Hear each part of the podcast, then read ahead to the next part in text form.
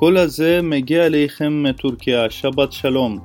ברוכים הבאים לפרק האחרון שלנו בשנה הזאת. אנחנו מאחלים לכולם שנה טובה. בפרק הזה אנחנו מתכוונים לסכם את האירועים החשובים ביותר שקרו בטורקיה בשנת 2020. בואו נתחיל.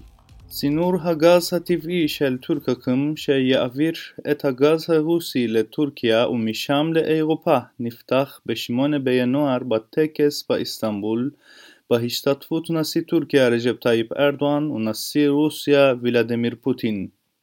נשיא טורקיה ארדואן בהצהרתו ב-31 בינואר אמר כי מה שמכונה דיל המאה שמקבל פתרון של שתי מדינות על פני השטח אך פירושו למעשה להכשיר את הכיבוש הישראלי תחת המנדט של הממשל האמריקני הוא תוכנית כיבוש ולא תוכנית שלום. לעולם לא נקבל את התוכנית הזאת. גם מפלגות פוליטיות בפרלמנט הטורקי גינו את מה שמכונה תוכנית השלום של ארצות הברית למזרח התיכון. הרשות לטכנולוגיות מידע תקשורת מסירה את האיסור על ויקיפדיה על פי פסק הדין של בית המשפט החוקתי. ב-24 בינואר רעידת האדמה בעוצמה 6.8 שבמרכזה העירה סיבריג'ה שבמחוז אלעזר גרמה לקריסת בניינים. 41 בני אדם נהרגו ויותר מ-1,600 נפצעו ברעידת אדמה חזקה במזרח טורקיה. המועצה המדעית של COVID-19 בטורקיה קיימה את הפגישה הראשונה שלה ב-31 בינואר. 42 בני אדם הרגו במפולת השלגים שהתרחשה בוואן במזרח הטורקיה. טיסת פגסוס איירליינס מאזמיר לאיסטנבול שבה היו 183 אנשים היא החליקה מהמסולל ביעדה והתפצלה לשלושה חלקים ושלושה אנשים מתו.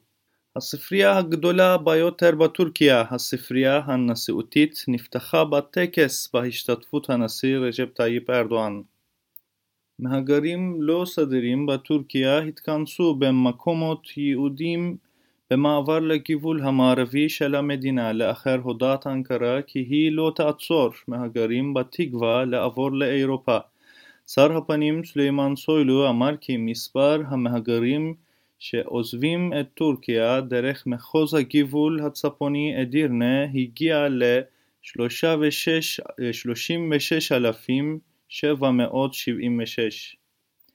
המקרה הראשון של נגיף קורונה בטורקיה הוכרז ב-11 במרס. המוות הראשון בגלל נגיף הקורונה בטורקיה היה גם ב-18 במרס. משרד ההגנה הלאומי הטורקי הודיע על סיור יבשות משותף טורקי-רוסי הראשון לאורך הכביש המהיר M4 במחוז אידליב שבצפון מערב ב-15 במרס. טורקיה שלחה ציוד רפואי לספרד ולאיטליה כדי להילחם בווירוס הקורונה. מוזיאון איה סופיה נפתח מחדש כמסגד ב-24 ביולי. פתיחתו מחדש של איה סופיה כמסגד גרמה לחגיגה גדולה ולאושר אצל מוסלמי טורקיה.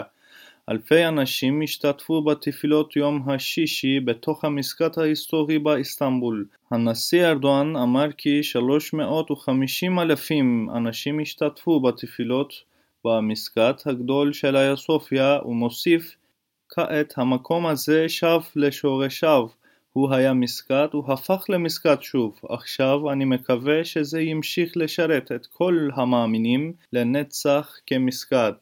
הנשיא ארדואן הודיע ב-21 באוגוסט על גילוי מאגרי הגז הטבעי הגדולים ביותר בתולדות המדינה בים השחור סמוך לחוף הטורקי. רעידת אדמה בעוצמה 6.6 עוררה את מחוז ספריסר באזמיר בטורקיה, 117 אנשים מתו.